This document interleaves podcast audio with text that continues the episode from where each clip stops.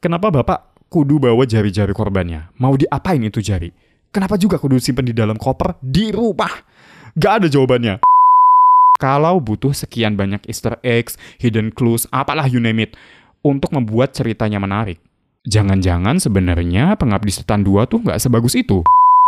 Perjalanan menjelang ending, itu tuh ngapain aja gitu tuh. Itu tuh cuma nebar-nebar clue buat yang harusnya nanti bisa sih dijelasin di Pengabdi Setan 3.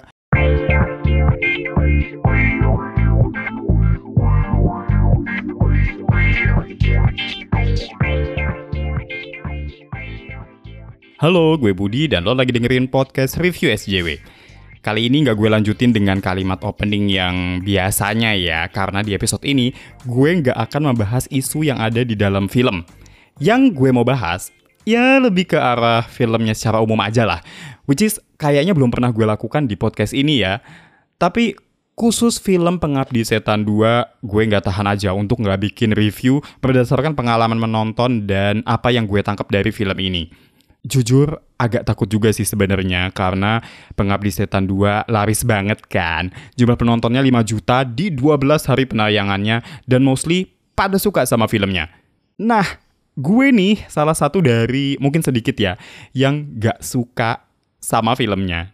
Tuh ini aja gue agak di pause dulu, berhenti dulu. Soalnya gue kayak merasa gak enak anjir untuk ngaku gue gak suka gak suka as a whole ya secara keseluruhan. Tapi beberapa detail gue tetap suka kok. Bahkan saat nonton dan setelah pulang, gue nggak sampai merasa nyesel atau rugi. Kecewa sih iya, tapi itu agak belakangan. Karena kesan awalnya gue merasa kok gini ya, kok kurang nendang ya. Nah, setelah gue gali-gali lagi pikiran itu, baru deh tuh makin lama makin berasa kecewanya. Ya, biar nggak terkesan kayak hujatan, biar nggak berasanya gue tuh hater banget gitu. Gue mulai dulu dari yang bagus-bagusnya deh ya. Semua pasti setuju banget dong, acting pemain-pemainnya tuh juara banget. Apalagi Tara Basro ya, peran dia di film sebelumnya yang jadi seorang kakak yang peduli dan in a way ngambil role kepala rumah tangga meski ada si bapak, itu dapat banget. Terus juga, I'm not a big fan of Ratu Felicia. Setahu gue actingnya ya not so bad sih, tapi di ingatan gue tuh dia modal cantik aja. Dan di sini juga dia perannya klise. Jadi perempuan cantik yang kerjanya jadi PSK. Well, at least menurut dugaan beberapa warga rusun ya, itu juga nggak eksplisit. Yang jelas, dandanannya cantik banget, pakaiannya minim, dan baru berangkat kerja malam. Anyway, di Pengabdi Setan 2, aktingnya juga cakep banget ternyata vibe tahun 80-an, setting waktu di film ini itu juga smooth banget, bahkan masih ada bis tingkat cuy.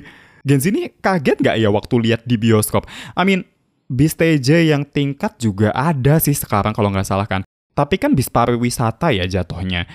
Nah ini tuh ya sesuai pada eranya aja. Bis angkutan umum tapi tingkat dan di dalam kota Jakarta aja kalau nggak salah. Siaran TV di film Pengabdi Setan 2 ini juga kualitasnya sesuai dengan eranya. Sayangnya ada miss sedikit nih. Jadi di adegan di mana ada ramalan cuaca di TV, penyiarnya udah bener tuh ngomong Badan Meteorologi dan Geofisika.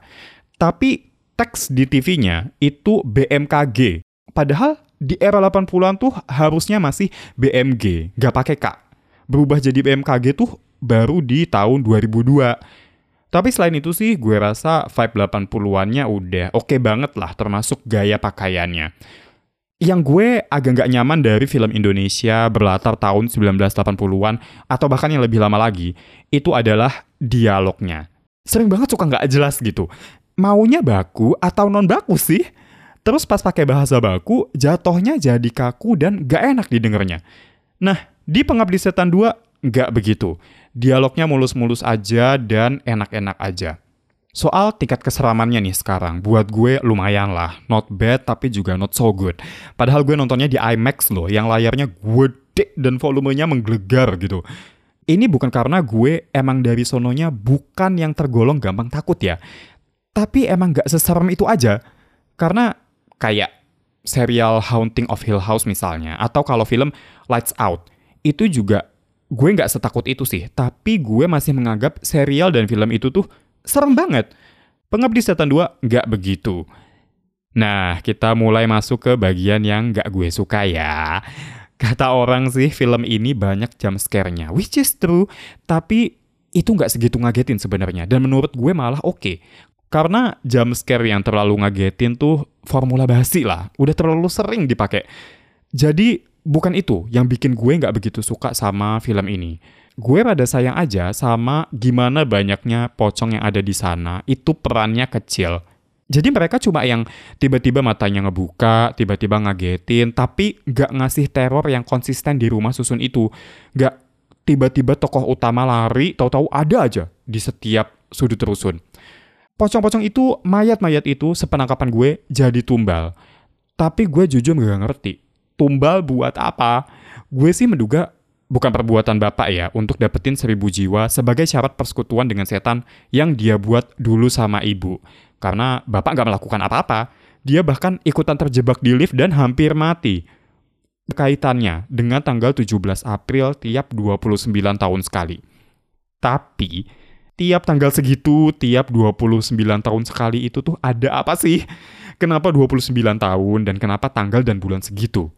Kenapa nggak I don't know, 10 tahun sekali maybe, atau 4 tahun sekali tiap 29 Februari gitu, jadi tahun kabisat. Joko Anwar sih pernah cerita ya soal makna angka-angka itu. Gue agak lupa, sorry, tapi let's say itu angka keramat. Tapi terus gak ada penjelasan dan cerita lebih lanjut di filmnya. Jadi selain itu angka-angka keramat lah, angka kegelapan lah, atau apalah-apalah. Fungsinya buat menambah kedalaman cerita tuh gak ada. Karena sejarahnya cuma ada dalam bentuk foto, gak ada caption, gak ada penjelasan dalam bentuk dialog juga. Terus tadi kan gue bilang, aktingnya Ratu Felicia tuh bagus ya. Tapi sebenarnya penggalian karakter dia tuh nggak penting sih menurut gue. Dia dibikin mati cepet kayak korban-korban lain. Menurut gue juga itu masih bagus-bagus aja. Sure, cerita horornya dia nyeremin. Tapi ya, peran dia di cerita utama tuh nggak penting. Speaking of cerita utama, menurut gue cerita utamanya nggak kokoh. Inti cerita Pengabdi Setan 2 ini tuh apa sih? para pengabdi setan ceritanya nuntut bapak karena bapak nggak sanggup ngasih seribu jiwa. Iya gitu. Tapi kenapa baru sekarang? Setelah kabur dari rumah mereka yang lama, kan ada jeda waktu yang lumayan tuh. Selama periode waktu itu, para pengabdi setan ini ngapain aja? Apa bapak masih dikasih waktu untuk menepati janjinya? Iya nggak tahu. Nggak ada jawabannya di film. Dalam rangka mencari seribu jiwa, yang maksudnya bapak harus membunuh seribu orang, itu kan terus disambung-sambungin sama Petrus alias penembak misterius. Itu menurut gue bagus. Dulu emang beneran ada orang misterius, nggak tahu siapa, yang suka nembak-nembakin warga sipil. Berkaitan sama politik juga lah. Nah, gue suka gimana cerita-cerita mistis ini disambungin sama konflik politik. Tapi detailnya masih nggak bagus. Kenapa Bapak kudu bawa jari-jari korbannya? Mau diapain itu jari? Kenapa juga kudu simpen di dalam koper di rumah? Gak ada jawabannya. Nah, soal nggak ada jawabannya, nggak ada jawabannya terus ini nih, menurut gue ya. Oke, beberapa orang ada yang nemuin easter eggs. Clue tersembunyi gitulah. Beberapa bahkan mengklaim nemu jawaban dari hal-hal yang kita pertanyakan di easter eggs itu. Terus ada yang sampai nuding kita-kita yang nggak nemu itu clue, penonton males. Luar biasa emang penonton-penonton si paling rajin ini. Tapi dari yang gue simak sekilas-kilas ya, gue nggak merasa clue tersembunyi ini bikin inti ceritanya jadi lebih dalam. Ya, cuma potongan-potongan yang memperkaya detail, but not exactly make the story more interesting.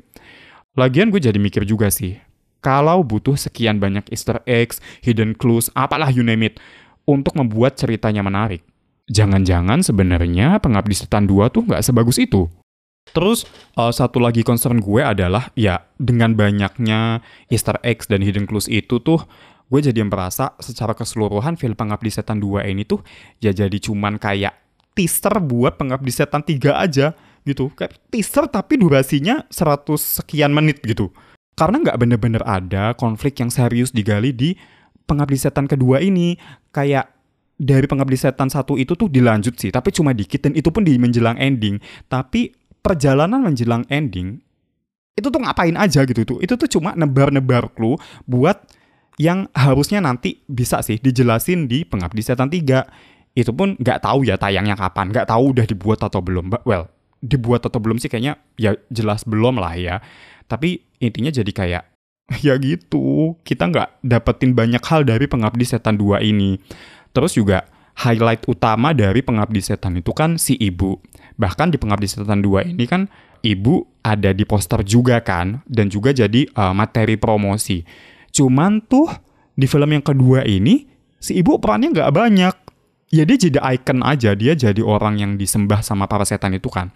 Yang ternyata uh, sepenangkapan gue ya yang disembah ini yang diagung-agungkan sama para pengabdi setan ini itu tuh mirip aja sama si ibu. Dan si ibu ini tuh meniru sosok ini gitu secara style. Uh, itu sepenangkapan gue ya tapi nggak tahu apakah nanti akan dibuat bahwa wah si ibu ini adalah reinkarnasi dari sosok setan ini wah gue nggak tahu gitu. Jadi perannya si ibu ini tuh masih kayak nggak gede gitu di sini. Which is ironic karena kan jadi materi promosi ya kayak yang tadi gue bilang.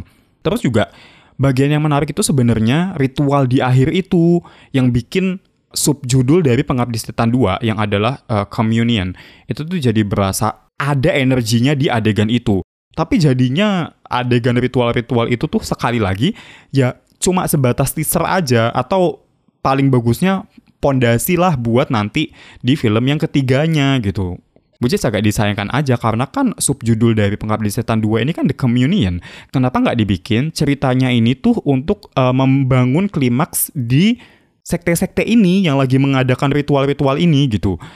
Well, memang sih ditaruhnya adegan itu tuh di ujung, tapi adegan-adegan menuju ke ujung itu, itu tuh nggak berasa sebagai adegan untuk membangun adegan ritual-ritual ini gitu. Jadi nggak berasa kuat aja sih.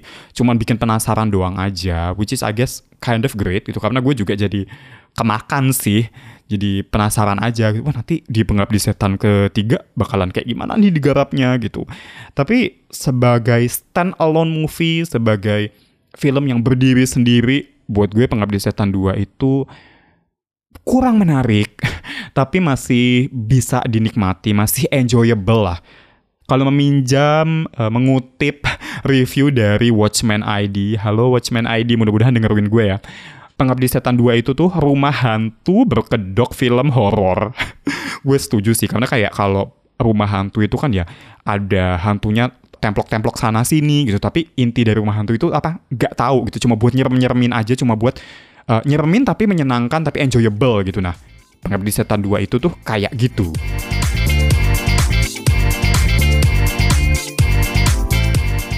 Demikian review SJW kali ini. Terima kasih udah dengerin.